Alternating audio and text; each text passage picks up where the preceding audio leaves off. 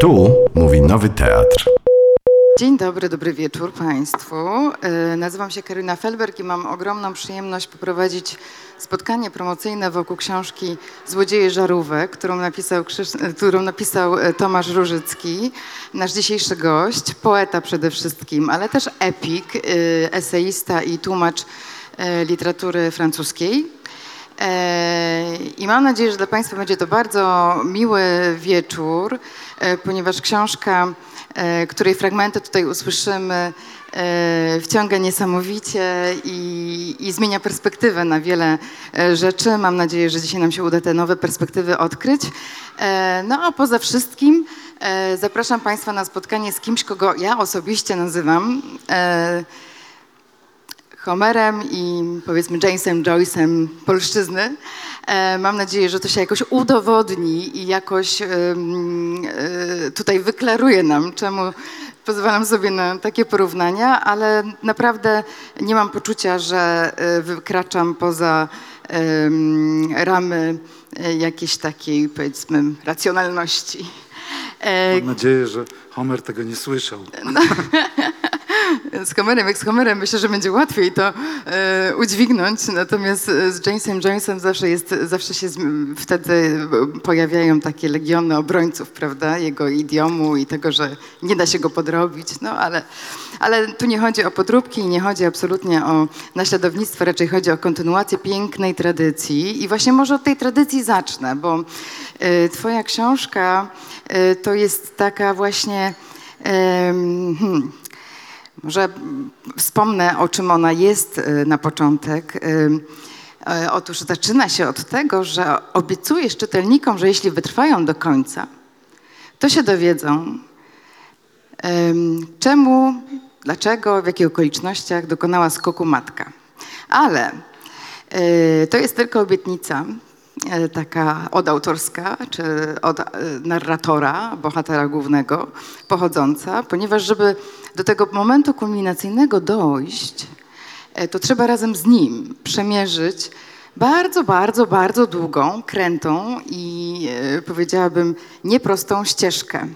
Gdyż napisałeś powieść drogi, która paradoksalnie e, właściwie jest o niewychodzeniu z własnego bloku. To jest taki paradoks. Ten, ten twój bohater pląta się, plącze się po jednym, jedynym bloku, który oczywiście stoi w oceanie bloków, ale, ale, ale e, jego kosmos, mikrokosmos ogranicza się do właściwie tej, e, tego jednego ogromnego, dziesięciopiętrowego, siedmioklatkowego e, molocha mieszkalnego. I, właściwie przeżywa przygody prawie, że takie jak Odys. Ale tylko prawie, ponieważ Odys miał cel i właściwie jego droga miała służyć podbojowi ekspansji.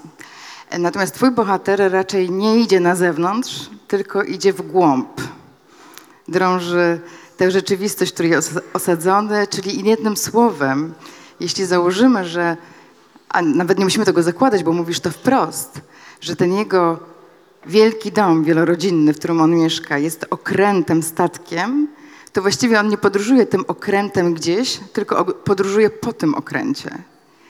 I o to chciałam Cię zapytać, skąd te pomysły na to, żeby zwijać fabuły homeryckie i zwijać fabuły eposowe do środka, żeby robić z tego właściwie podróż po własnej y, świadomości i podświadomości?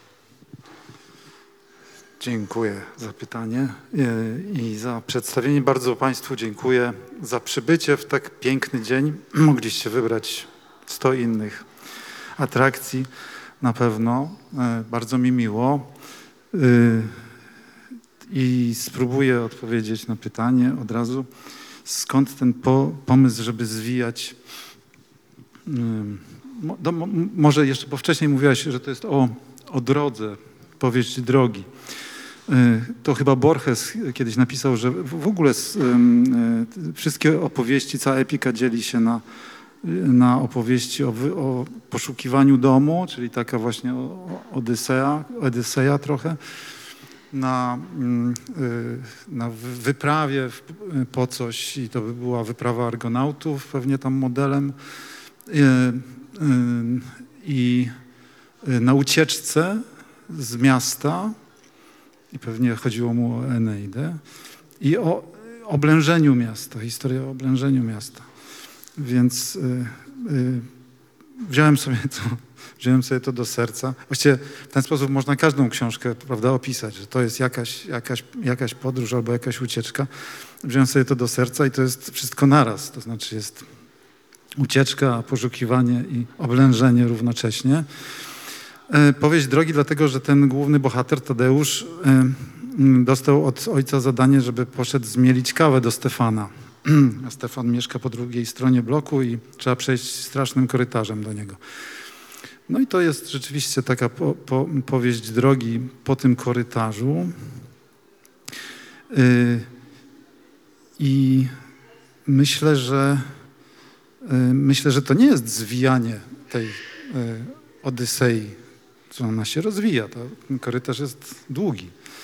Y, A poza tym jest cel, y, bo trzeba zmielić kawę. Kawa jest w ziarnach. To jest rok tam prawdopodobnie 81 albo drugi, albo później troszkę, kiedy się stało w długachnych kolejkach po kawę i, i w końcu dostali kawę, ta rodzina dostała kawę i się okazało, że jest w ziarnach, a są imieniny i trzeba zmielić i, i oni nie mają młynka, z sąsiadami się albo nie lubią, albo też sąsiedzi nie mają młynka. W każdym razie jeden enerdowski młynek ma Stefan i, mm, no i ktoś musi tam pójść. E, I to jest taka, taka pretekstual, jak to powiedzieć, pretekstowa, pretekst, pretekstowa y, fabuła tego, tej, tej, tej historii. Jeszcze coś miałem powiedzieć, ale E, zapomniałem. To może ja cię tutaj dopytam, bo to jest pretekstowe. E, Nie pierwszy raz piszesz w ten sposób, nie pierwszy raz uciekasz w dygresję. E, W ogóle poemat dygresyjny jest twoją specjalnością, bym powiedziała, zarówno w twojej twórczości stricte epickiej, jak i nawet ta, ta, ta poetyka przebija przez twoje tomy poetyckie. Więc jakby chciałam cię o to zapytać, skąd to umiłowanie do dygresji, czyli do takiego, do takiego do tego pomysłu na to, żeby fragmentaryzować e, rzeczywistość, czynić ją takimi skrawkami, ale nie skrawkami, które sobie tak leżą luźno i gdyby się wysilić, to można było z nich nawet jak z puzli ułożyć pewną całość, tylko ty robisz coś innego, bo ty właśnie nie, nie, nie, bawisz się we fragment, tylko w dygresję. Dygresja to już jest takie szlifowanie fragmentu i powodowanie, że każda z tych całostek jest e, takim okrągłym kamyczkiem i tego się już nie da do siebie dopasować. Natomiast to wspaniale funkcjonuje jako, jako takie pojedyncze miniatury epickie. Skąd Skąd ta, wiesz, y, y, rozumiem, że Juliusz Słowacki tu jest patronem, ale skąd ta, y, to zamiłowanie do tego rodzaju, do, tej, do, tego, do tej poetyki, w której wszystko się na początku rozpada, a potem się składa, ale nie do końca. A, a z drugiej strony składa się w piękne, takie małe, pojedyncze koraliki. No tak, to jest, to jest dobre pytanie. Wydaje mi się, że po prostu ja jestem beznadziejnym, w ogóle nie jestem powieściopisarzem. I y, po, powieści, te takie długie historie, one bywają wspaniałe, ale kiedy ja stara, chcę napisać jakąś dłuższą historię, to ta historia mnie natychmiast zaczyna śmieszyć po czterech pierwszych zdaniach i coś mnie korci, żeby ym, ją jakoś popsuć. To znaczy, to znaczy ja, tak wydaje mi się a, y, absolutnie głupia. To zna, y, w takim sensie, że, że nieprawdziwa i tak dalej. Bardzo, to jest może też takie, to jest może też związane właściwie z, z historią tej książki, bo, bo ym, Łukasz Najder z wydawnictwa Czarne za, zapytał mnie, czy bym nie napisał reportażu o Opolu. I ja nie napisałbym reportażu o Opolu, bo, bo nie umiem napisać reportażu, a poza tym sama, sam gatunek reportażu wydaje mi się bardzo podejrzany. Oczywiście uwielbiam reportaże i wszyscy uwielbiamy reportaże, ale e, i są świetne reportaże, e, bo są ludzie, którzy potrafią to robić. Ja nie potrafię. I wydaje mi się, że, mm, że, pewna, że pewna taka że pewna zgoda, która jest między czy, czytelnikiem, konwencja, która jest między czytelnikiem a tym piszącym, na to, że czytelnik zgadza się uważać, że to, co czyta, jest prawdą, prawda? E, I że, e, I że ten piszący, obojętnie czy to jest powieść jakaś taka w miarę realistyczna, czy właśnie może nawet aż reportaż, e, stara się, żeby ta, ta historia, którą opowiada, czy, czy te wydarzenia, które przedstawia, były jak najbardziej zgodne z rzeczywistością. No i dla mnie tu już jest straszny kłopot, bo ja uważam, że to natychmiast się we mnie odzywa taki przekorny przekorne coś, co mówi, że przecież to w ogóle nie jest żadna rzeczywistość i tak dalej, i tak dalej. Więc, więc e, stąd, te, stąd te dygresje chyba ciągłe i to odchodzenie od tematu, który wydaje mi się jest e, mm, prawdopodobnie ciekawsze rzeczy są nie wtedy, kiedy podążamy od punktu A do punktu B, tylko właśnie w tych zakrętach i meandrach pomiędzy albo kiedy się cofniemy i, i, i tak dalej, i tak dalej. Więc to w tym błądzeniu jest, jest dużo, dużo ciekawiej niż, e, niż w podążaniu od e, A do B. Kiedyś e, miałem taki krótki, krótką możliwość, żeby uczyć te, tego twórczego pisania, tak zwanego creative writing w, w Stanach. I tam jest, są podręczniki, jak pisać powieść i one są bardzo dobrze zrobione, bo jest pokazane, jak stworzyć protagonistę, antagonistę, jak stopniować napięcie, jak budować dialogi i, i, i, i te wszystkie mm, punkty, od, kiedy się naciska, kiedy się odpuszcza i tak dalej, i tak dalej. Więc jest, to jest bardzo dobrze wszystko przetrenowane. No i natychmiast o, oczywiście powstaje pytanie, yy, po co to robić wtedy, prawda, jak już wszystko jest... Ale ja i tak uważam, uwielbiam powieści, uważam, że powieści są świetne i są tacy, którzy świetnie to robią, świetnie piszą. E, i idę za tymi, za tymi głosami i śledzę te akcje, a tutaj raczej interesowało mnie coś innego. Ta, mm, to jest też związane z czasem, bo tak jak powiedziałaś, to jest trochę podróż w czasie, i dlatego, że się po prostu starzeje i w pewnym sensie mm, te historie są pożegnaniem. Mm, tak sobie myślę, że to nie jest, to nie jest reportaż właśnie. Mm, nie chciałbym w ogóle, żeby to był reportaż, bo to nie jest o moich sąsiadach. Chociaż ja żyłem w takim bloku między takimi mniej więcej ludźmi, którzy, um, którzy mi posłużyli w pewnym sensie za, za model tej historii i sobie z nich ulepiłem te postacie, które tutaj są w książce, ale na takiej zasadzie, no właśnie literackiej, że wziąłem pięć osób, kawałki z pięciu osób i skleiłem z nich takiego Frankensteina, który mi tam później występuje jako ktoś, prawda? Ale nie chciałbym, żeby moi sąsiedzi pomyśleli, że to jest o nich, bo to nie jest o nich. Mm, to jest o tym Tadeuszu, który też jest jakoś tam mną, mm, bo coś chciałem przez to powiedzieć o sobie, ale E, ale tak naprawdę jest kimś innym. Więc, te, e, więc to, nie, to, nie, to, to nie jest reportaż, ale to jest pewne pożegnanie z jakimiś czasami i z, i z takim momentem życiowym. Nie potrafiłem tego inaczej zrobić, jak tylko w, w ten sposób. Mm. No ale bardzo ciekawe jest to, że wsadziłeś, że tak powiem, tego Tadeusza na tę łajbę, czyli do tego bloku go wsadziłeś i kazałeś mu ten właściwie tym niesterowalnym albo samosterowalnym wehikułem, bo nagle się okazuje, że ten blok ma bezustannie się rusza i jest pełen rozmaitych, nie wiem, pęknięć, drgań, czegoś takiego.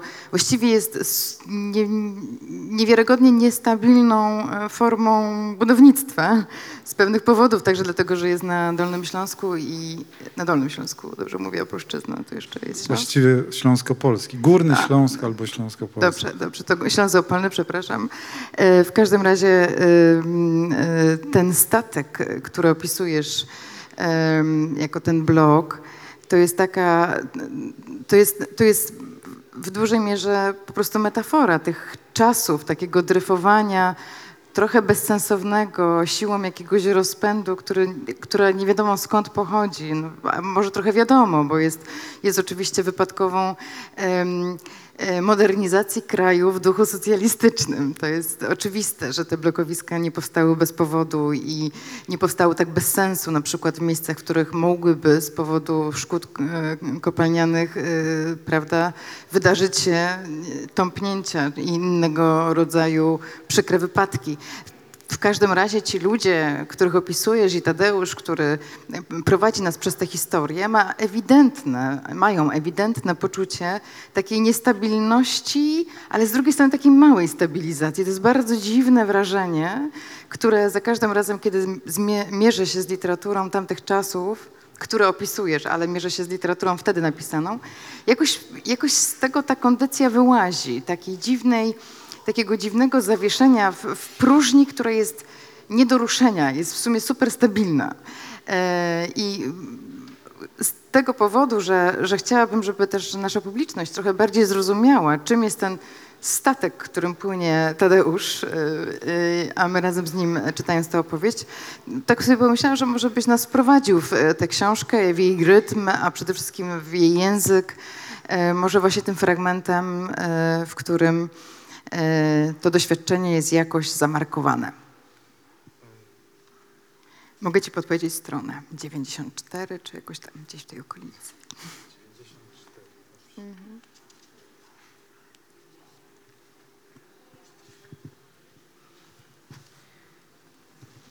To jest akurat taki liryczny fragment, ale książka taka nie jest te dni jesienne, kiedy w ogródkach masowo spalano opadłe i zagrabione liście, kiedy kominy domków wypuszczały pierwsze smuszki i pióropusze dioksydalnych spalin, stojący na wysokim balkonie naszego bloku miał wrażenie, że jest na mostku kapitańskim okrętu, który żegluje przez ocean dymów. Smog unosił się powoli, aż wreszcie gę- gęstniał poniżej balkonów, zasłaniając cały widok na ziemię. I jak fale poruszał się leniwie na wschód, sprawiając, że cały blok, trzeszcząc i skrzypiąc, ruszał w swoją podróż na zachód pośród ciemnosinych chmur. W piecach i kominkach w całym mieście, przede wszystkim w dzielnicach mniejszych domków i kamienic, spalono masowo węgiel, koks, gałęzie, różnorakie śmieci, papiery, folie, mokrą ściółkę leśną, plastikowe opakowania i butelki, stare ubrania i gazety, zatrywając całą ziemię unoszącym się w powietrzu, zawieszonym na wysokości głowy i nieco wyżej cząsteczkami sadzy. Blok niby okręt manewrował w dymach i smogu, z którego odmętów raz po raz wynurzały się na moment rafy i podwodne skały dachów innych budynków, kominy i wieżyczki kościelne, żeby zaraz potem zalała je kolejna wezbrana fala spalinowych gazów. E, tak, i to jest jeszcze dalej w ten sposób, e, ale Tu chcesz przerwać. tak, Dobrze. tu chcę przerwać. Tak. E, Ale zdradzasz tutaj w tym fragmencie też pewną atmosferę gęstą, przeraźliwie gęstą wokół tego bloku.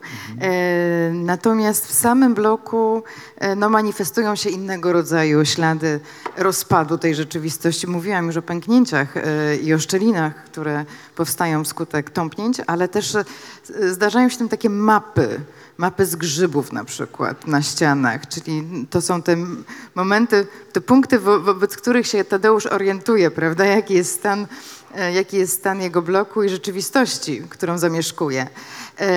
I tu chciałam, czyli ciągle jesteśmy w tej, w, tej, w tej przestrzeni takiej podróży oraz opowiadania sobie o podróży i fantazjowania o tym, że się podróżuje. No bo jeżeli dziecko przyklejone do, do jednego punktu na ziemi, e, peregrynując dzień w dzień tymi samymi ko- korytarzami, zaczyna snuć fantazję na temat tego, że to są tak naprawdę em, jego wielkie odkrycia i za każdym, nie wiem, zaułkiem e, czai się być może jakaś bestia czy, czy jakiś heros, którego trzeba będzie pokonać, bo taki właśnie jest Tadeusz, no to wiadomo, że jesteśmy w, w takiej wyobraźni chłopięcej, e, która, która próbuje poszerzyć rzeczywistość, e, dojmującą, nie wiem, smutną czy nudną, e, o elementy i literackie, i po prostu fantastyczne, ale też przede wszystkim takie formujące, no bo gdzieś trzeba nauczyć się wychodzić do świata, prawda? I gdzieś trzeba przeżyć te przygody,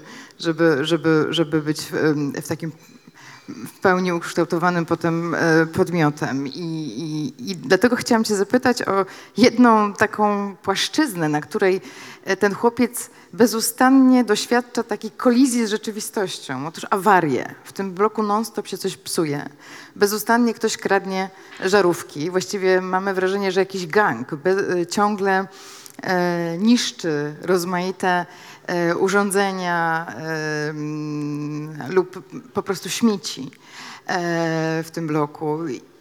I to jest dla mnie interesujące. Słuchaj, czy ty jako mieszkaniec e, tego typu molocha, powiedziałeś, że, że znasz tę rzeczywistość, doświadczyłeś tego rodzaju takiego napięcia między, między poczuciem, nie wiem, bezpieczeństwa, jakim jest te 35 metrów, w którym Tadeusz mieszka, a takim e, okropnym zewnętrzem, które a- trochę atakuje tą swoją taką bezwzględną brutalnością, wandalizmem oraz, oraz e, e, taką, nie wiem, no, tym, tym, że się non-stop psuje i coś, coś nie wychodzi, można utknąć w windzie. Czy tak właśnie jest w blokach? Czy te bloki są taką, takim zagrożeniem dla dzieci i młodzieży, że one się właśnie czują jakby, jakby były w jakimś po prostu parku ciemnym, nie wiem, albo gęstym lesie?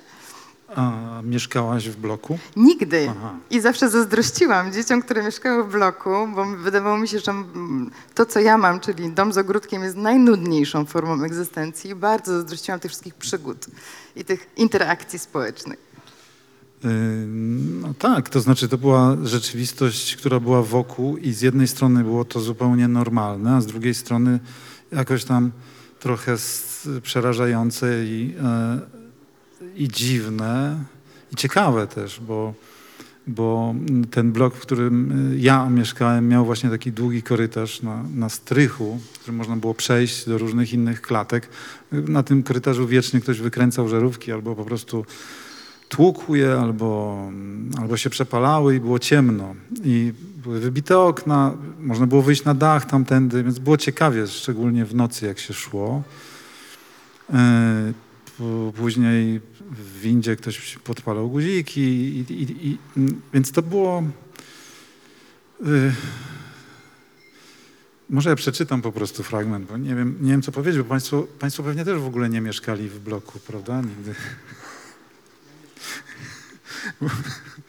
Ja się, ja się zastanawiam, przecież są bloki w tej chwili w Warszawie, pewnie to wygląda mniej więcej podobnie w dalszym ciągu, wszystko. Ale, y, no, ale chociaż ostatnio byłem w bloku i, bo nie mieszkam już w bloku, byłem w bloku i widziałem, że winda jest jednak jakaś taka szersza trochę, to znaczy można by było nią przewieźć e, zwłoki na, już nie na stojąco, tylko jakoś w innej pozycji może. E, Taki fragment dotyczący właśnie tego troszeczkę. e, Kiedy ojciec powiedział, idź do Stefana zmieli, zmielić kawę, pomyślałem od razu o tym, że na szczęście nie będę musiał przechodzić koło sypu, bo przecież syp znajdował się na dolnym, nie na górnym półpiętrze.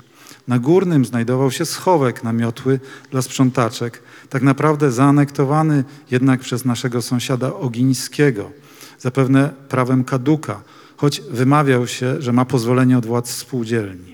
Trzymał tam rowerek i jakieś półki, a także nieużywany dywan i doniczki, podczas kiedy pozostali lokatorzy musieli podobne rupiecie umieszczać w piwnicach lub na balkonie. Tfu, mówił na to ojciec, a Stefan dodawał, moje szlachetne pochodzenie klasowe nie pozwala mi się do niego, inżyniera, zwrócić inaczej jak tylko gołą dupą. Naser mater, mówił jeszcze ojciec i właściwie trudno było coś do tego dodać. Ktoś wkrótce podpalił plastikową klamkę, ale na szczęście nie zajęły się drzwi do schowka. Za to klamka, stopiona pod wpływem gorąca, spłynęła na, podło- na podłogę, a powierzchnia drzwi była zwęglona i zakopcona. Smród rozsze- rozszedł się wokół. Czyżby zrobił to Mickiewicz, Wertyński, Radziwiłł? Cała klatka schodowa była naznaczona podpaleniami. Tak jakby duch podpalenia nie wygasł w, na, w narodzie nigdy, ale tlił się wciąż pod cieniutką skorupką spieczonej skórki i gotów był w każdej chwili buchnąć radosnym płomieniem zniszczenia i zguby. Podpalano klamki, żarówki, ramy okienne, kosze na śmiecie, śmieci. Przylepiano płonące zapałki do pomalowanej i pobielonej ściany czy sufitu, aby zniszczyć odnowione niedawno dobro komunalne paskudnymi, osmolonymi śladami. Okopcano wizytówki i listy lokatorów. Wielokrotnie podpalano rozkłady jazdy autobusów na przystanku ku wściekłości i rozpaczy świeżo przybyłych pasażerów. Podpalano wielokrotnie windę. Wszystkie niemal guziki wskazujące piętra były spalone lub nadtopione tak, że wciskanie ich sprawiało wielkie trudności lub było zgoła niemożliwe. Tak jak w przypadku piętra siódmego, na które przez jakiś czas można było się dostać schodząc schodami lub wchodząc po nich z sąsiednich pięter, naciskając tylko guzik piętra szóstego, który dawał się wcisnąć, choć i on był nadtopiony i cyferka na nim spłonęła bez śladu, lub ósmego, który pomimo, że spalony, dawał się także uruchomić. Żarówki w windzie nagminnie kradziono, co sprawiało, że podróż upływała przy zgrzytaniu mechanizmów dźwigowych i telepaniu się całej kabiny w przyjemnej ciemności. W końcu żarówkę zabezpieczono za pomocą kraty, co uchroniło ją przed wykręceniem, ale nie przed osmoleniem. Tak więc, czy żarówka była wykręcona, czy nie wykręcona, podróż i tak odbywała się po ciemku. Żarówki zresztą wykręcano wszędzie, na półpiętrach, na schodach, na korytarzach, na piętrach, w piwnicach i na strychach. Słowem, gdzie tylko można było je znaleźć. A, i, Mogę zadać szybkie to, pytania? Tak. Dlaczego bohaterowie, e, z którymi spotyka się e, Tadeusz y, i których nam przedstawia w swojej narracji, mają nazwiska szlacheckie i arystokratyczne? Yy, bo, wydawało mi się to całkiem śmieszne. Yy, to znaczy, prawdę mówiąc, ja miałem kolegów takich, którzy mieli nazwiska szlacheckie i arystokratyczne i byli strasznymi łobuziakami. Mało tego, ich rodzice byli strasznymi łobuziakami i tak dalej, i tak dalej. Więc cała rodzina była, była strasznie łobuzerska i czasami strach było się z nimi spotkać gdzieś. Więc y, pomyślałem sobie, że to... Aha, no i jeszcze druga rzecz. Kiedy pisałem tę książkę, y, zastanawiałem się, czy mogę umieścić czyjeś prawdziwe nazwisko w, w, te, w tej historii. Bo te akurat nazwiska, te szlacheckie i arystokratyczne tych łobuziaków wydawały mi się bardzo ciekawe, żeby je wstawić do tekstu. Ale miałem wątpliwości, no bo tak jak powiedziałem, nie chciałem nikogo urazić i, i nawet zrobiłem taki, zrobiłem taką, e, e, taki sondaż wśród osób, które e, mogłyby być opisane w tej książce, się, czy by się nie poczuły źle, gdyby opi opisał je ale wszystkie mi mówiły, czytając to, że, że to są kompletne bzdury i kłamstwa i nieprawda, więc myślałem sobie, że spokojnie mogę w takim razie nikogo nie urażę i będzie, będzie dobrze. E, I wtedy pomyślałem, że no, no to w takim razie może wszystkie nazwiska zmienimy na szlacheckie i że to są nie tylko szlacheckie i arystokratyczne, tam są, tam są, tam jest, tam, tam są takie nazwiska znanych postaci z, ze świata kultury, o tak powiem. I, I, nie tylko kultury. Nie tylko z Polski też. Tak, i to może pociągnę ten wątek, ponieważ on się splata z tym podpalaniem, który, który, o którym czytałeś. E, ponieważ Tadeusz w pewnym momencie gdzieś wspomina, że jakiś czas temu w biblioteczce sąsiada Ossolińskiego, i to jest właśnie jeden z tych, e, z tych przypadków, o których przed chwilą wspomniałeś, jeżeli chodzi o zabawę nazwiskami, e, znalazł książeczkę o niejakim Heraklicie z Efezu, którą przeczytał z wielkim zainteresowaniem i która go zainspirowała bardzo mocno. I od tamtego czasu właściwie e, zaczął myśleć o tym, czy jest Herykletyjczykiem i czy jego koledzy i czy to wszystko, co się dzieje wokół, nie ma jakichś rysów boskich, mitycznych, y, czy, czy tym kosmosem, w którym on żyje i przybywa, nie rządzą jakieś siły, no, co najmniej boskie, ale, ale też jakieś żywioły, prawda, bo, bo, bo ogień jest żywiołem. E, I bardzo dużo fragmentów tej książki dotyczy takiego namysłu nad myślą Heraklita z Efezu i nad taką próbą adaptacji jej do wrażliwości e, chłopca, który dopiero odkrywa siebie i świat. I tu chciałam cię zapytać o ten motyw. Skąd się wziął w tej książce i dlaczego e, tak mocno zdominował tę narrację? Co chciałeś przez to powiedzieć? Co ja chciałem przez to powiedzieć, to No. jest straszne pytanie. Może ci pomogę, wiesz, jest taki jeden fragment, bo, który mnie bardzo interesuje i może dzięki temu będzie ci Aha. łatwiej jakoś tak y, mm, w, najkrótszym fragmencie Mhm. e, w Złodziejach Żarówek, y, który stanowi rozdział 28 Mhm. i który w odróżnieniu od wszystkich innych rozdziałów y, właściwie ogranicza się do dwóch zdań albo trzech. E, Mówisz, y, mówi twój bohater tak. Dlaczego właściwie bogowie gwałcili ludzi wchodząc w ich ciała? Po co im było to ucieleśnienie, przybranie ludzkiej formy? I to jest jakoś dla mnie interesujące, ponieważ on z jednej strony widzi wszędzie tych bogów wchodzących w ludzkie ciała i rozpalających ich, e, powodujących w nich jakieś gorączki, żary, namiętności i inne rzeczy, czyli te takie ogniste formy e, naszego popędowego życia.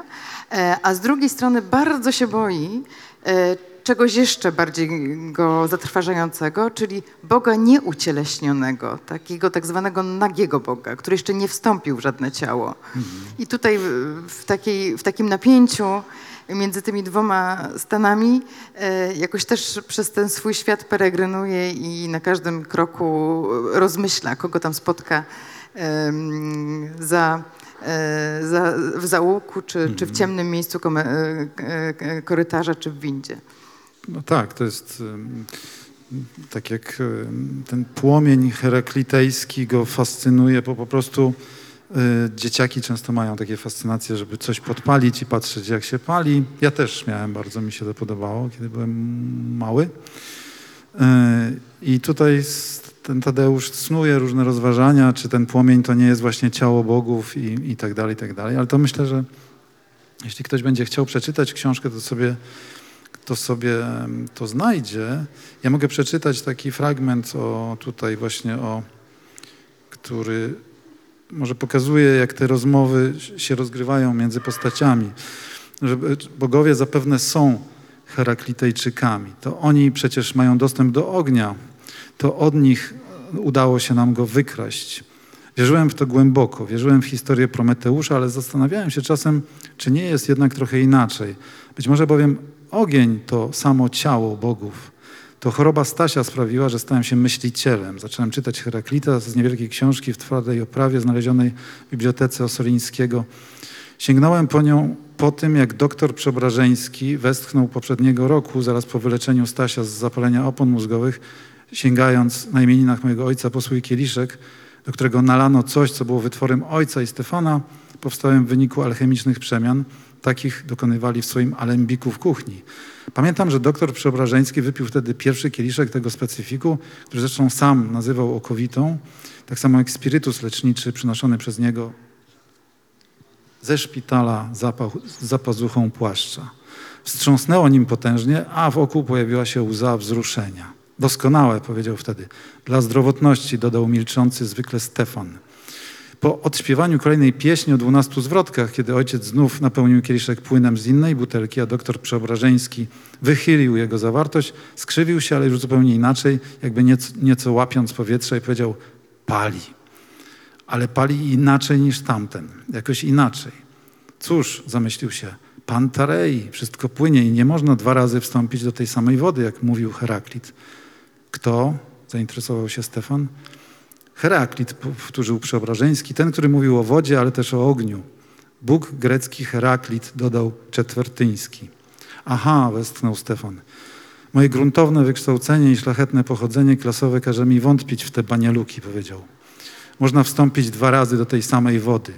Kiedy wodę nam zakręcili w tamtym miesiącu, to tak się kąpaliśmy. Najpierw Bermuda z barakudą, a potem ja z Baśką w tej samej wodzie w wannie i co? I nikomu korona z głowy nie spadła. Heraklit mówił raczej o rzece, o rzece, czyli o czasie, że wszystko płynie i woda w rzece za każdym razem będzie inna, bo rzeka jest w ruchu. Wszystko płynie, skrzywił się Stefan, któremu najwyraźniej włączył się zmysł polemiczny. Naczytali się tych książek i myślą, że oni tacy mądrzy są jak ja durny. Ale dokąd płynie? Przecież w końcu wraca, co nie? Mój klasowy szósty zmysł podpowiada mi, że to nie woda inna, ale ten, który do wody włazi, jest już całkiem inny za drugim razem. Woda to proszę ja ciebie woda, a ty się starzejesz, jeśli już mowa o czasie. I z panem doktorem, raczej z szanownym Herkulitem, bym się nie zgodził w tej kwestii, co podpowiada mi moje wszechstronne wykształcenie. Woda to woda i ona zawsze wraca. To my się starzejemy, my nigdy nie wracamy. No i tak dalej, takie, takie, takie rozważania. Skoro tak płynnie przeszedłeś od ognia, który jest taki interesujący i tak wszechobecny w tej książce, do wody, która też ma swoje momenty, e, to może zapytam cię o tę wodę, ponieważ przy okazji e, opisywania awarii w toaletach, wiadomo, w takim bloku, który ma długi ciąg kanalizacyjny, e, pozwoliłeś swojemu bohaterowi wypowiedzieć pewną myśl, która myślę, że jest myślą przyświeca, przyświecającą całej tej książce. E, Ja ją może e, zacytuję. Życie w bloku stawało się prawdziwą metaforą istnienia człowieka nowoczesnego. Zostaliśmy uniesieni ponad ziemią, odcięci od niej i jej życiodajnej zgnilizny. Zasłonięto przed nami naszą prawdziwą naturę, odebrano produkowane przez nasze ciało co dnia ekstrementy i śmieci i odprowadzono je gdzieś poza zasięg wzroku. Żyliśmy w bloku jak w ogromnym statku kosmicznym, dryfującym w przestrzeni poza naturalną rzeczywistością ziemską. Wystarczyła jedna awaria i nagle stawaliśmy się ludźmi dzikimi. Smród bił od naszych siedzib i zjadał nas samych i tak dalej, i tak dalej. Opowiadasz o tych awariach, ale chciałam cię tutaj zapytać o tego dzikiego człowieka, e, który e, właśnie nie dlatego, że wychodził z bloku i tam spotykał jakieś niebezpieczne e, byty i musiał jakby te swoje instynkty czy, czy te swoje nagie natury odkrywać, tylko właśnie dlatego, że w bloku prze, przestało coś działać. Nagle musiał odkryć w sobie e, zupełnie innego człowieka. I chciałam cię zapytać właśnie o to napięcie między człowiekiem nowoczesnym, wrzuconym w ten, e, w ten, w ten, w ten wielki, wie, wielorodzinny dom, który właściwie służy, no nie wiem, do, takiego gnieżdżenia się w, w, sposób, powiedzmy, e, zadekretowany i jakoś tam obliczony i, i jakoś tam sformułowany przez jakichś inżynierów i, i innych inżynierów dusz, o może nawet tak. E, A tego właśnie człowieka, który tam bezustannie dobija się do tego, do tego bohatera, który jest taki właśnie zakleszczony w tym nowoczesnym świecie, nowoczesnym, czyli tak naprawdę e, socjalistycznym, tak? No bo to jednak jest ten przewrót, y, to co opisujesz są skutki przewrotu oczywiście, e, który, który, który wskutek tej modernizacji wybudował takie nowe światy, nowe landy w których człowiek co najwyżej mógł po prostu egzystować, trudno było mu się tam rozgościć. I właśnie ta dzikość, ty tego doświadczałeś? Miałeś takie poczucie, że, że jesteś sam, sam dla siebie obcym człowiekiem w momencie, kiedy twój blog przestaje działać? Yy, No, to, Czy to jest bardzo szerokie pytanie, bo yy, ja pamiętam, jakie na mnie wrażenie zrobił, akurat mniej więcej wtedy, mm, czy nie, troszkę później widziałem ten film, ale jakie na mnie wrażenie zrobił film o Ostatnia Rodzina, o rodzinie Beksińskich, gdzie też yy, jest, yy, ta rodzina mieszka w takim blokowisku, na takim blokowisku i oni są poddani też wszystkim tym takim sprawom, które właśnie, nie wiem, zatkane toalety, brak wody, kolejny raz i kolejny raz i to jest, e, i to tak obnaża właściwie, przeskakujemy z takiego, tutaj, tu, tutaj wiszą obrazy, a tutaj trzeba od, odtykać toaletę, prawda? I to, i to ciągle się, mm, ciągle się miesza i no tak, na tym polega życie. Ja, ja myślę, że mm, Y, To, to jest jedna rzecz, a, a druga rzecz, y, druga rzecz jest też taka, że no po prostu tak wtedy było.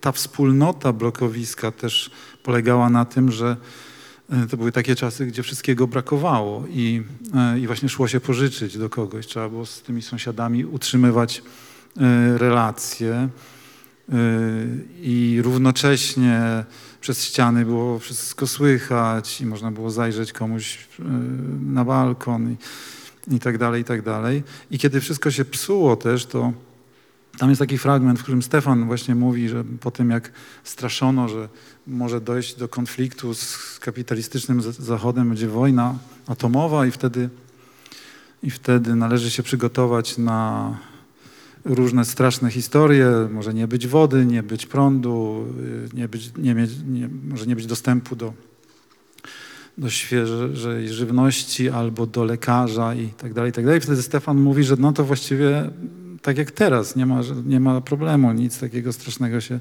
aż tak strasznego się nie stanie. Więc, więc to też jest taki e, mm,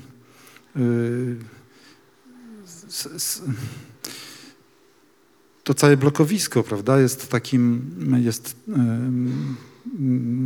jest y, no, światem, tak jak tutaj ten blok, który jak okręt tam podróżuje, jest takim małym światem. Ja też pamiętam, też jest tutaj dużo o, o tym wyrzucaniu rzeczy z balkonów.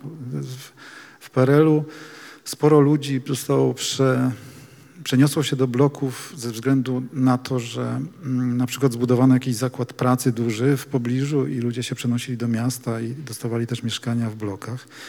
Nie tylko, to jest jedna z możliwości. To oczywiście tych y, wariacji, dlaczego ktoś mieszka w bloku było cał, całkiem dużo, ale, ale były też takie i ludzie, y, ponieważ to było jakieś nowe, tak jak pamiętamy z tych filmów Barei czy, czy innych, no, nowe miejsce, nie do końca uporządkowane, z jakimś błotem ciągle wszędzie, ym, to ludzie się też zachowywali w taki sposób, że nie wiem, wyrzucali przez, przez balkony śmieci albo, albo no cokolwiek wyrzucali przez balkony i, i nie, nie, szanowali przyrody, deptali trawniki y, nagminnie i tak dalej, i tak dalej. Więc to, y, bo pytałaś o dzikość i wydaje mi się, że, że to było, mm, y, że to było widać. Było właśnie, wystarczyło wejść do windy, było widać y, jakby natura ludzka jest naturą ludzką i się objawia w takich warunkach, które temu sprzyjają. Wydaje mi się, że kiedy jest ciemno na korytarzu i nikt nie widzi, tak, prawda, nikt, nikt nie może nas przyłapać na tym, no to robi się pewnie, rozumiem, więcej rzeczy niż kiedy jest jasno i, i jest bardzo czysto y, i wtedy, i wtedy tak głupio nawet coś zepsuć, a już jest, większość jest i tak zepsuta albo nie działa, no to właściwie co za różnica. No. Y, No nie, teraz spłycam to, ale tak sobie myślę. Mm, Tu cię chciałam zapytać też w- tym fragmencie, który czytałeś przed chwilą, pojawia się Stefan. Tak, jedy, jedyny sąsiad, który chyba nie ma nazwiska. Albo jeśli ma, to za bardzo nim nie szafujesz, bo nie zapamiętałam. Nie, chyba nie ma. E, ma córki o ciekawych imionach, ale rzeczywiście sam nie ma nazwiska, chociaż bardzo często wraca do swojej klasowości i jakoś nagminnie podkreśla, e, że to jest świat klasowy. To, to jest dla niego ważne i dzieli ludzi. E, oczywiście w takich ironicznych też e, gestach i autoironicznych, ale właśnie o to cię chciałam zapytać, ponieważ e, inni bohaterowie to są takie typy.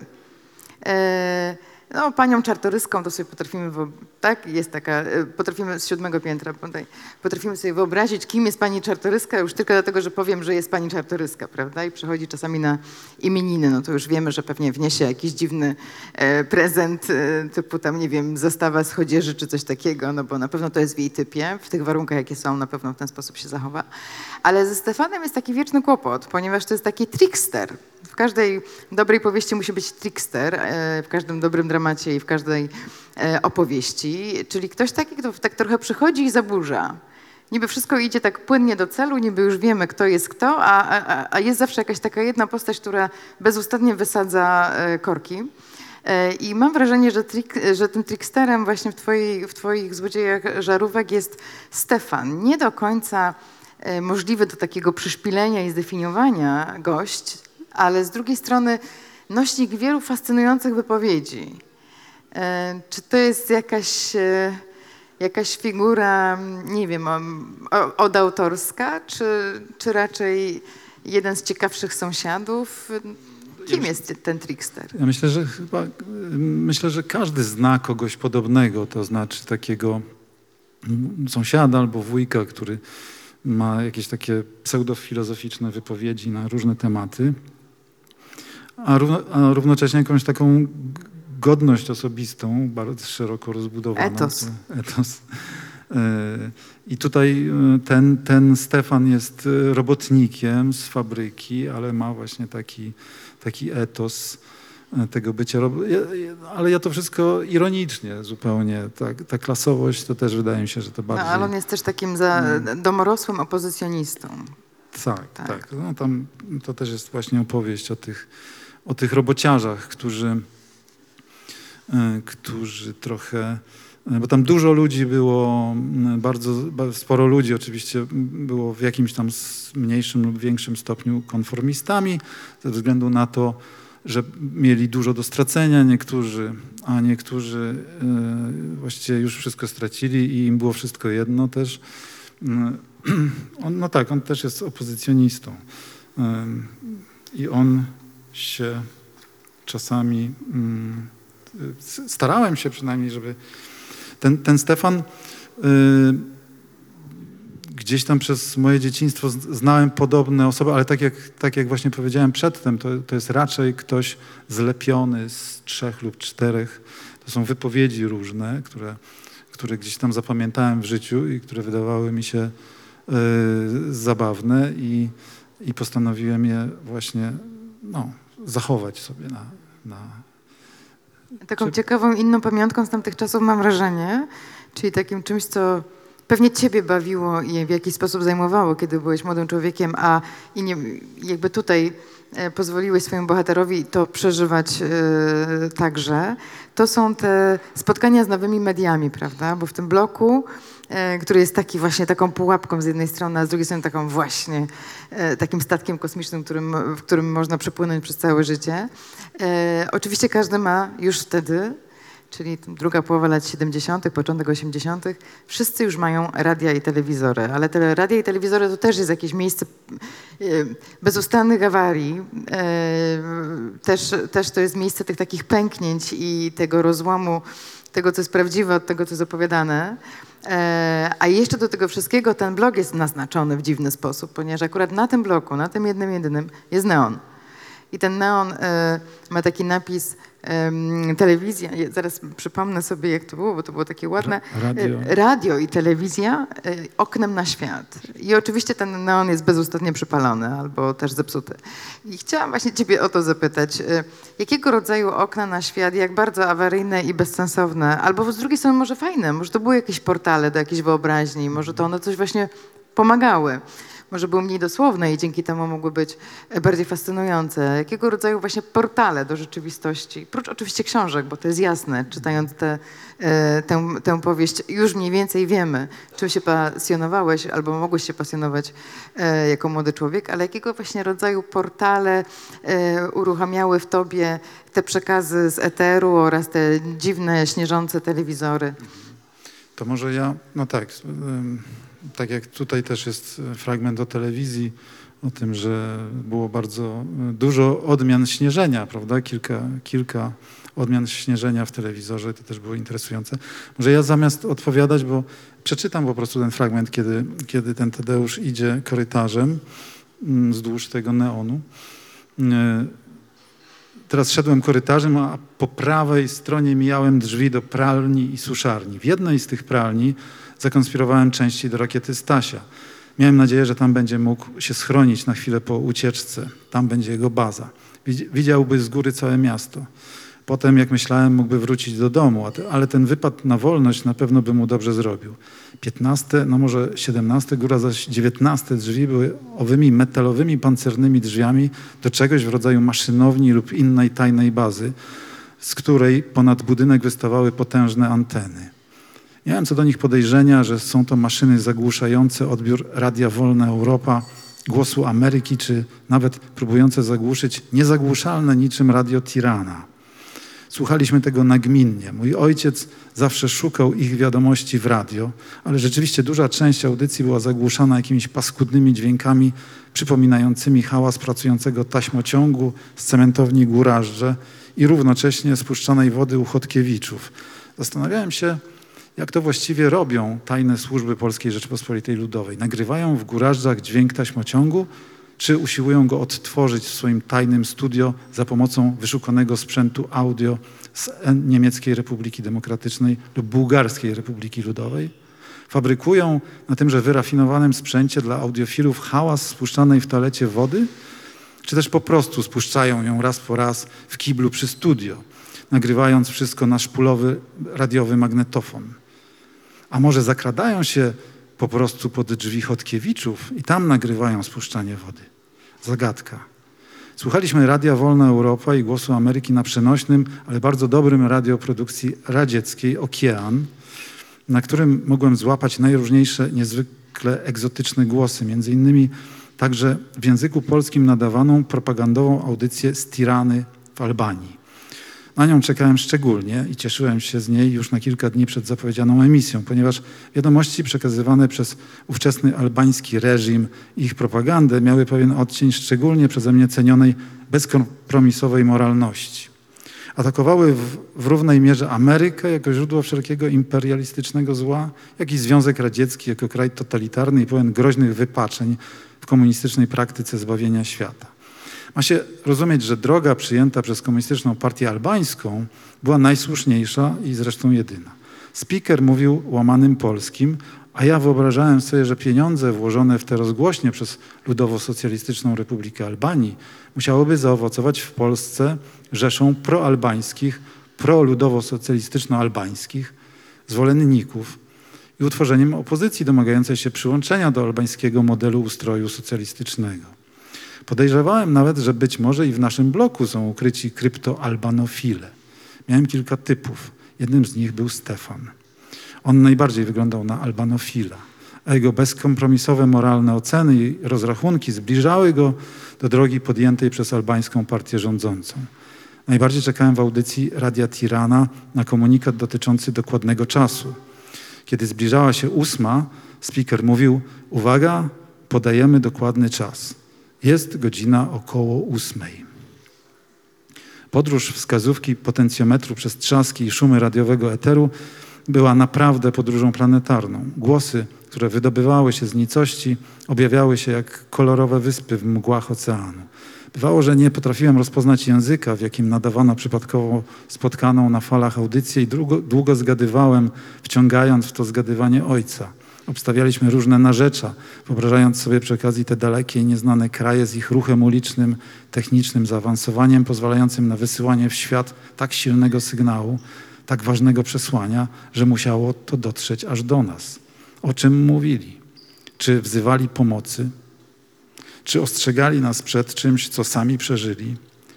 Czy chcieli się podzielić doświadczeniem w zwalczaniu plagi szerszeni, ameby, hipisów, skinheadów, obwoźnych sprzedawców? Czy śpiewali o tym, że tajemnica wszechświata jest odkryta i że jest nią miłość, a może zawiść?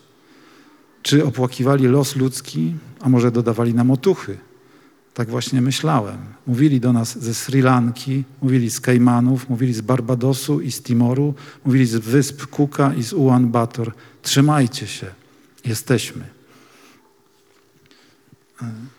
Dziękuję Ci za ten długi fragment. Długi fragment, przepraszam Państwa. Ale za długi. Jeszcze mam taki długi fragment o Stefanie, który też mogę przeczytać. Proszę bardzo, to przeczytaj przed pytaniami jeszcze publiczności, a publiczność właśnie, jeśli ma ochotę zadać jakieś pytanie, to za moment będzie ten moment, więc e, proszę o skupienie i wymyślenie sobie pytań, a tymczasem posłuchamy jeszcze. Ja przepraszam, ja tak lubię jakoś czytać na spotkaniach, lubię się znęcać nad publicznością i czytać, szczególnie dlatego, dla, właściwie, właściwie dlatego, że to jest drugie moje spotkanie i jeszcze tej książki nie znam do, dobrze i to też okazja, żeby zobaczyć, co tutaj jest. Mm. Stefan z pewno, Stefana z pewnością też to spotykało. Odwiedzali go czasami, opanowując całkowicie jego ciało, wcielając się w jego postać, tak, że nie mógł nic zrobić. Pozostawał niemym świadkiem tego, co się dzieje. On, a przecież nie on, porwany przez Boga Stefan, którego prawdziwy Stefan był zaledwie obserwatorem. Tak jak to zdarza się we śnie, kiedy obserwujemy siebie z daleka, jakbyśmy byli widzami filmu z nami w roli głównej i przeraża nas, śmieszy, raduje, zaskakuje lub dziwi nasze zachowanie. Patrzymy z ulgą na to, co się wtedy dzieje, ponieważ ni nigdy świadomie byśmy się na to nie porwali. Stefan był taki. Mieszkał w tym samym bloku co i my, ale na jego przeciwległym końcu. Kiedyś wpadł do nas i posadzony przed telewizorem i niską ławą, która stała tuż obok wersalki i obu foteli w dużym pokoju, zaczął tak in medias res. Proszę Ciebie, kiedy to mogło być? W niedzielę? No i ja wiem, która to mogła być godzina. Pierwsza, może 15 po pierwszej. Proszę Ciebie, zamilkł na chwilę, usiłując przypomnieć sobie i zawieszając wzrok gdzieś w okolicach nieszczelnych drzwi balkonowych i poruszanego pod nimi podmuchem wiatru rąbka firanki. Jakoś dwa, nie, trzy tygodnie temu powiedział. Znowu zamilkł, a my milczeliśmy także skupieni dokoła. No może jednak trzy, bo Mańka wtedy miała jechać do babki. Idę sobie tamtędy, może 15, 20 po pierwszej, czy ja wiem, powiedział i przerwał na moment. No ile mogło być? Tam długo nie szedłem, bo zaraz przed obiadem. No może 25. Góra, proszę ciebie, w pół do drugiej, ale nie więcej. Po ścieżce idę, zamilkł na chwilę, wyciągając przed siebie dłonie, jakby coś w powietrzu odmierzał. No, może pół metra szeroka, jak to ścieżka, może więcej. Taka o, jak stąd dotąd, może trochę więcej. O tyle może rozstawił dłonie. Ile to jest? 40 centymetrów? Nie więcej przecież. Idę jakieś pięć, no góra sześć minut. Zatrzymał wzrok na firance. No może siedem, bo przecież przed obiadem to jeszcze było, dobrze pamiętam. I nagle, proszę Ciebie, widzę, proszę Ciebie, a tu naprzeciw mnie, no ja wiem ile, zamilkł na chwilę i znowu wyciągnął ręce, żeby zmierzyć jakiś metr, metr dwadzieścia, no najwyżej, proszę Ciebie, półtora, ale nawet nie półtora przecież, nie, no raczej znów przymierzał, no może metr i tyle pokazał. Widzę, że tyle ode mnie na gałęzi, proszę Ciebie, i to była taka witka, wiesz, no może na pół metra, o taka cienka pokazał. Ile to jest? No, góra dwa centymetry. I niezbyt długa, jakieś na oko pół metra, no najwięcej 40 centymetrów. I to leszczyna, bo tam leszczyna akurat, koło tego dołu, co tam z lewej, wiesz, za tymi wykopami. Ale też ciekawe, wszędzie proszę Ciebie kalina i czeremcha, a tu masz nagle leszczyna, jak na złość, proszę Ciebie. Ni stąd, ni zowąd, proszę Ciebie, taka sprytna ta natura jest. No i widzę, a tu na gałęzi siedzi, proszę ja Ciebie, ptaszek. No może taki, pokazał wielkość rozstawionymi palcami. I znowu zamilkł na chwilę. Czy ja wiem? 10 centymetrów, 12, przerwał na chwilę. No góra 13, ale nie więcej, proszę Cię. No może tyle pokazał. Ptaszek, proszę Ciebie. I za cholerę, proszę Cię, nie powiesz jaka rasa. Jakiś taki mały. I ja tak stoję, proszę Ciebie, nie ruszam się, bo mnie zupełnie zaskoczył skurczybyk. Ja wiem, ile to trwało. Znowu przerwał na moment. No ile? Minuta, może dwie, proszę Ciebie. A on tak patrzy na mnie, proszę Ciebie. Zaskoczył mnie skurczybyk. A jeszcze nie wiesz, jaka rasa skurczybyk. Ptaszek taki, skurczybyk. To co masz niby mówić? Nic, tylko stoisz i patrzysz. No to ja stoję, proszę Ciebie, jak ten kołek. I nic, ani się ruszy, proszę Ciebie, powiedział i popatrzył na firankę.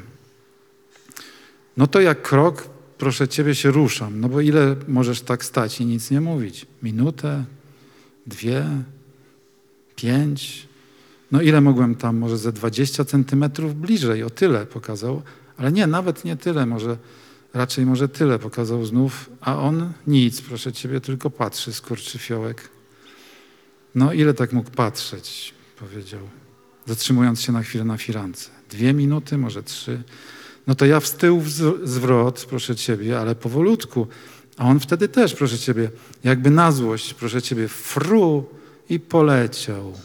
Ja wiem, zatrzymał znowu wzrok na firance. Dwadzieścia, może trzydzieści, powiedział i znowu zrobił pauzę. No góra trzydzieści pięć metrów gdzieś w las. Proszę ciebie, skurczy fiołek. Powiedział i popatrzył na firankę. A co u was?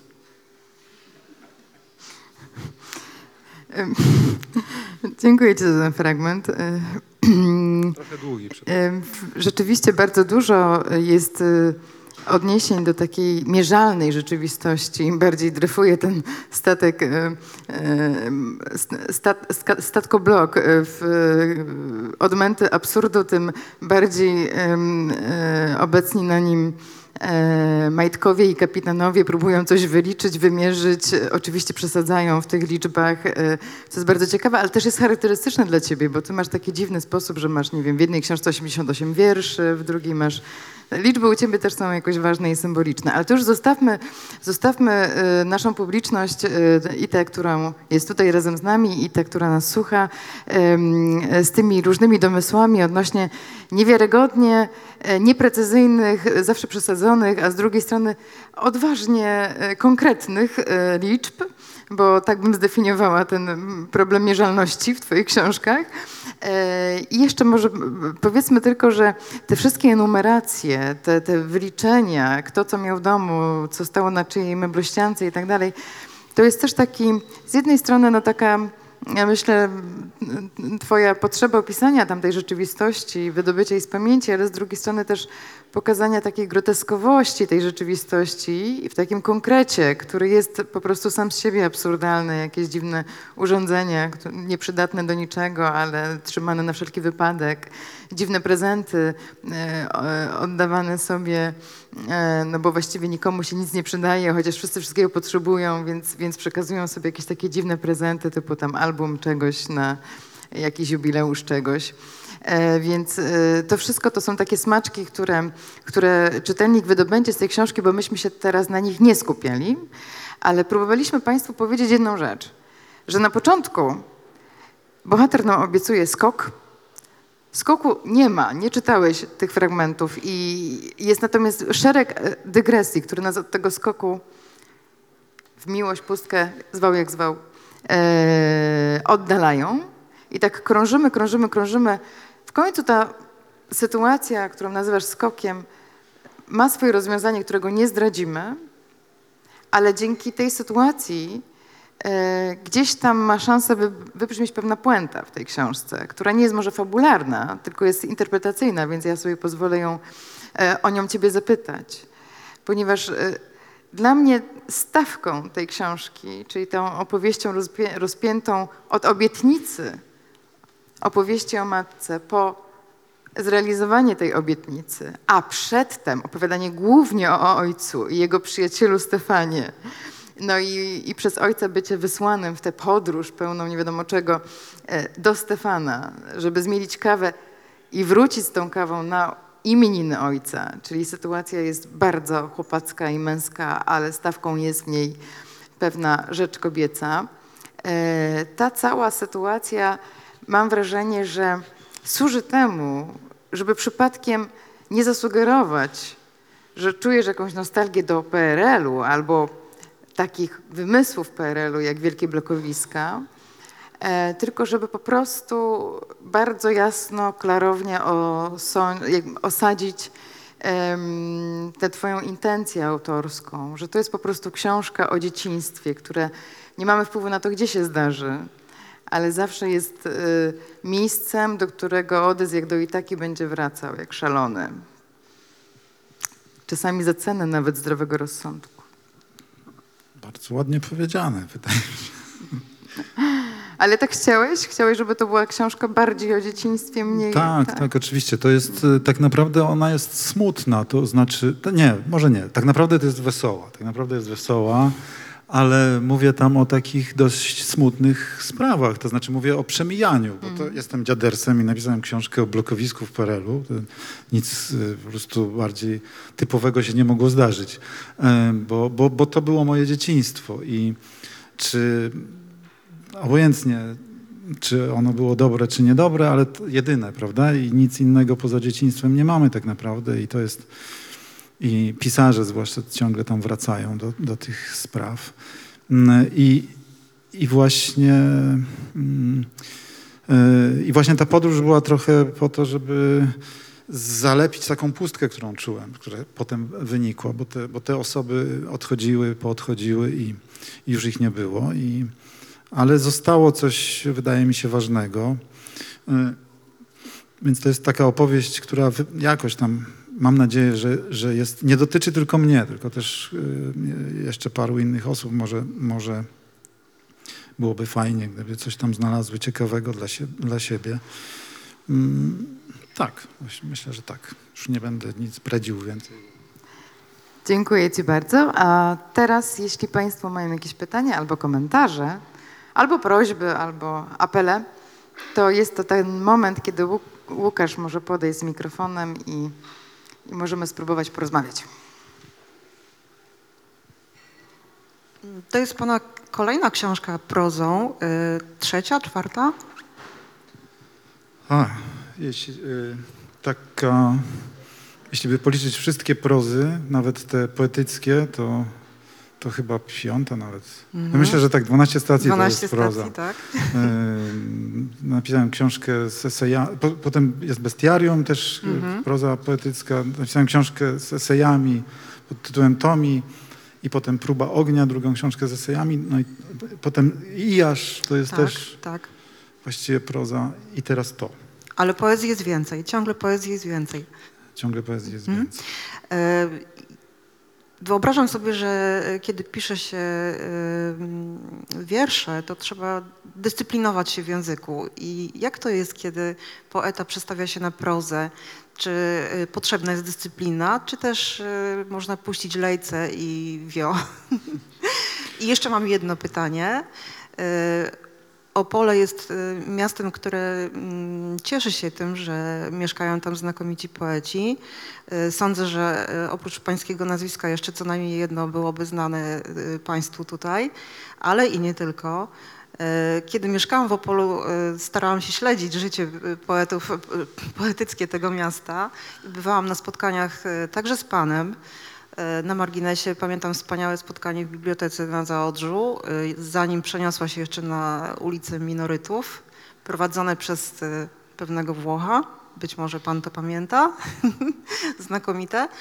E, Ale wiodę do tego, czy, czy o ile pan oczywiście e, śledzi, co słychać na lokalnym opolskim podwórku ciekawego.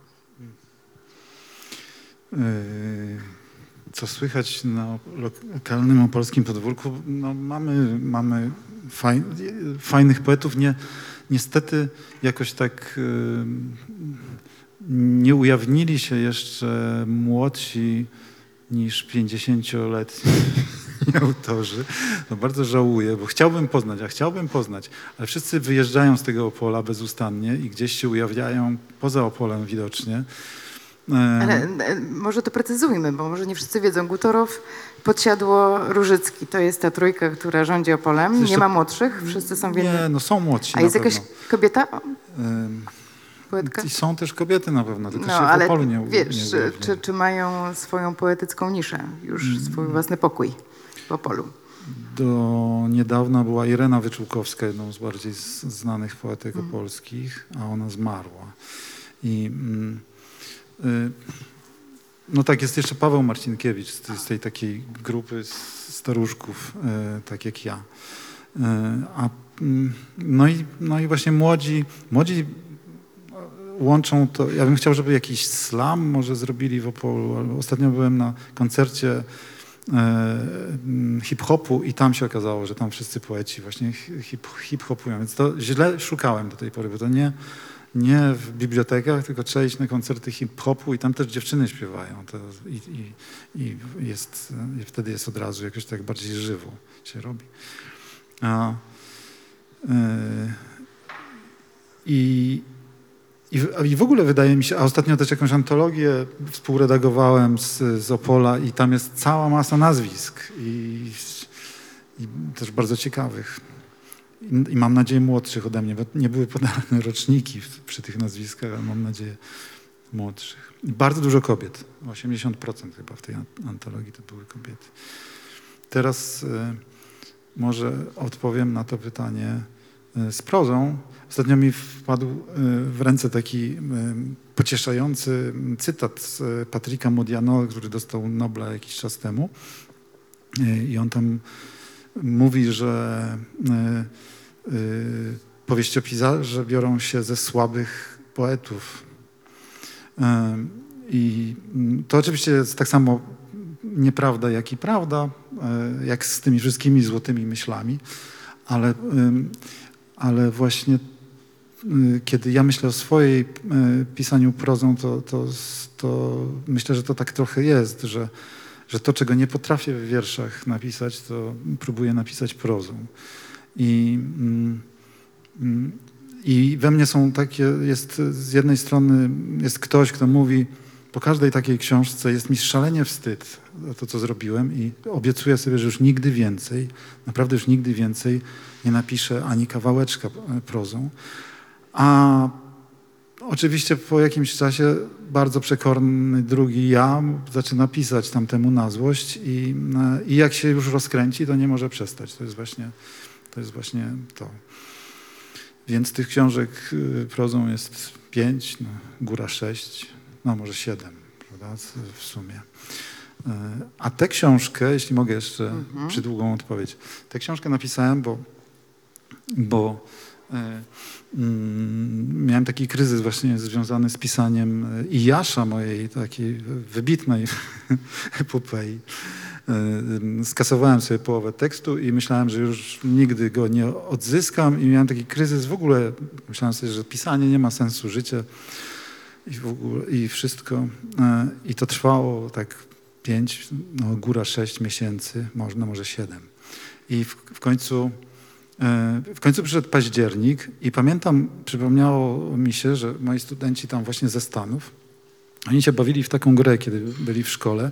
Tam jest coś takiego, się nazywa NaNoWriMo, chyba jakiś tak skrót i to jest e, e, Narodowy Miesiąc Pisania Powieści.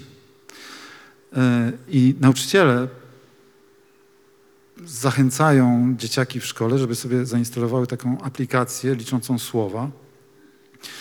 I w ciągu mm, listopada y, mają, pisząc 2000 słów dziennie średnio, powinni napisać do końca listopada przez 30 dni mm, powieść liczącą 60 tysięcy słów. I tam jest cała wielka na ten temat y, zabawa, bo jest taki festiwal pisania. Później na YouTubie to można sobie wpisać i zobaczyć mnóstwo tych dzieciaków. Później y, robi takie vlogi, pu- publikują codziennie. Ach, udało mi się napisać tylko 1287 słów, ale przyszła babcia i mi zawracała głowę przez cały dzień.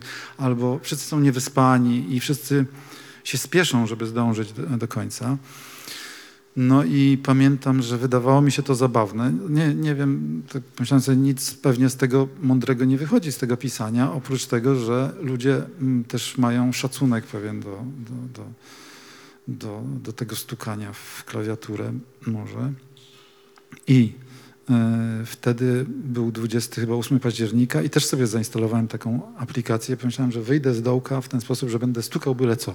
Tak jak Gombrowicz kiedyś mówił, że aby napisać książkę, trzeba napisać 20 z- stron, obojętnie czego, i tych, po tych 20 stronach się zaczną wyłaniać jakieś motywy, postaci albo cokolwiek, i wtedy można będzie zde- zdecydować, co z tym zrobić. Ale żeby wejść w strefę snu, on to nazywał. Więc, więc ja zainstalowałem aplikację i zacząłem stukać, żeby tylko stukać. No i właśnie po, w połowie gdzieś nagle okazało się, że, że piszę o bloku, nic innego mi do, do głowy nie przychodzi, i że się pojawiają te postacie, a potem już one żyły swoim życiem i kiedy się ta, ten cały challenge skończył, to miałem 60 tysięcy znaków, troszkę więcej nawet. I, no i to było to, to była ta książka.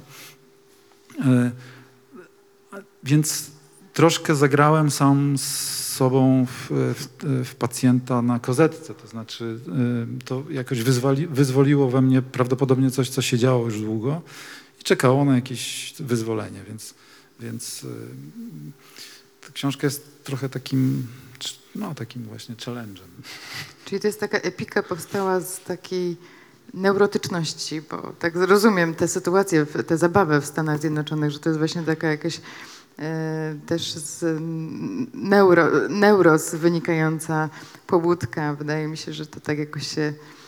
E, Nie wiem, czy z Neuros, bo to oni, mm, no, oni po prostu to jest w tych klasach creative writing Mhm. e, czasami e, używane jako właśnie taki, Tylko taki, takie narzędzie, narzędzie, tak? takie, narzędzie. Tak, tak, Aha, mhm.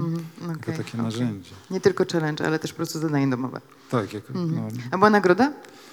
Jest tam nagroda, na, na, nagrodą, nie pamiętam, bo to, yy, ponieważ to jest ogólnoamerykańskie, to pewnie są różne nagrody i wszędzie jest jakieś inne. Wiem, że tam oczywiście była publikacja jakaś tego albo, yy, teraz nie pamiętam, że tam dokładnie były za nagrody.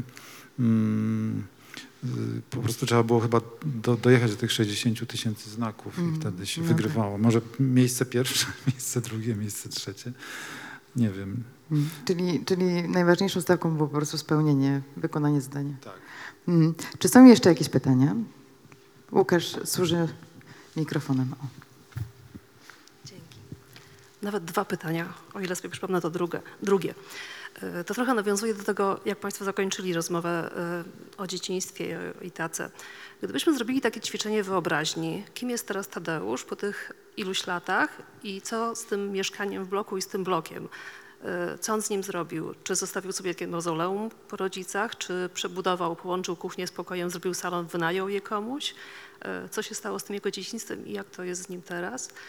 A drugie pytanie, nie czytałam jeszcze książki, w zasadzie zaczęłam tutaj e, przed spotkaniem, więc nie mogę się do tego odnieść, ale wyobraziłam sobie, że to jest takie nasze wspólne doświadczenie blokowe, nawet jak nie mieszkaliśmy w bloku, e, to znamy mnóstwo historii na temat bloków. Czy jest Pan gotowy na to, że ludzie będą teraz przychodzili i opowiadali o swoich anegdotach związanych z blokowiskami i z blokami? Bo mnie przypomniało się od razu za 20 co najmniej, takich z warszawskiego Grochowa, z podlaskiego małego miasta, gdzie są zupełnie inne bloki, ale naprawdę byłabym gotowa teraz przez północy o tym rozmawiać. Nie wiem, czy liczy się Pan z takim ryzykiem. To ja może od tego właśnie. e, Już to zauważyłem, kiedy ktoś mnie zapytał, jaka będzie moja nowa książka. Ja powiedziałem, że o bloku i wtedy ten ktoś zaczął opowiadać i nie mógł skończyć. Więc yy, yy, każdy mógłby napisać książkę o, o bloku z powodzeniem, z tymi wszystkimi historyjkami. Mm, y, Trochę mnie przerażenie ogarnęło, bo, ym, bo się pojawiło parę osób, które powiedziało, a to w takim razie to ja byłam na przykład pana sąsiadką tam na tym dziesiątym piętrze. I pomyślałem, i wtedy mnie przerażenie ogarnęło, że te osoby mogą za bardzo wziąć to do siebie, znaczy pomyśleć, że to jest o nich, a to nie jest o nich. I co wtedy, jak pomyślą, że to jest o nich? A mi tam sąsiad z prawej strony był potrzebny do czegoś innego i sąsiad z lewej do czegoś innego, a nie moi prawdziwi sąsiedzi, których zresztą lubiłem bardzo. Więc to, e, więc to mnie trochę przeraziło, ale zaraz później, po pierwszym spotkaniu w Opolu, e, różne osoby zaczęły przychodzić i mówić, a to ja wiem, który blok pan opisuje. Na ZWM-ie, prawda? To jest ten trzeci tam e, pod, po, pod rząd na ZWM-ie. Potem przyszła druga osoba i no to jest, to jest mój blok na Dambonia, przecież pamiętam dokładnie. I tych, I tych sąsiadów pamiętam. I tak dalej. Więc już mam cztery czy pięć wersji, na tym jednym spotkaniu już było cztery czy pięć wersji, gdzie to się rozgrywa. I to mi się akurat bardzo spodobało. Ulgę poczułem e, małą. Ale to wielka sztuka, taka uniwersalizacja, żeby każdy dostrzegł swoją prawdę w jednej opowieści. Y, Dla mnie ulga. Ale a to pierwsze pytanie, nie wiem, czy jestem w stanie odpowiedzieć, co, co, co Tadeusz by, by zrobił, czy, czy, czy co zrobił z Tak, takie mieszkaniem. ćwiczenie wyobraźni tak naprawdę. Może to, co Mhm. nam pierwsze przychodzi do głowy. Pewnie by zakleił też parę w ścianie, przez którą widać całe miasto, bo blok pęka na dwie części i się rozsuwa. Tam w książce jest o To tym dlatego, mowa. że nie czytałam. I, e, e, I to jest trochę niepokojące, bo któregoś dnia się rozsunie rzeczywiście. Tam akurat obok tego bloku są, są kamieniołomy i, ta, i tak dalej, więc strzelanie w tych kamieniołomach powoduje to, że cały blok się rzeczywiście telepie. I to ja mieszkałem w takim bloku, który się telepał. A kiedyś byłem w, w takim prawdziwym y, drapaczu chmur, który miał odchył półtora metra na, na samej górze, więc pomyślałem sobie, że też można by było napisać, dlaczego Amerykanie nie piszą, czy tam mieszkańcy Hongkongu nie piszą y, śmiesznych opowieści, jak to mieszkają w drapaczu chmur, który się kołysze półtora metra c- codziennie, kiedy jest wiatr. A może piszą. E, Może to nie jest śmieszne wcale, no ale... E, A e, nie wiem, czy by się nie wyprowadził ten Tadeusz stamtąd. On tam mieszkał z, z braćmi i siostrami w tej książce, więc to tam było mało miejsca po prostu bardzo też. Poza tym, jak wiadomo, nie można wejść dwa razy do tej samej rzeki. Dzięki. Czy są jeszcze jakieś pytania?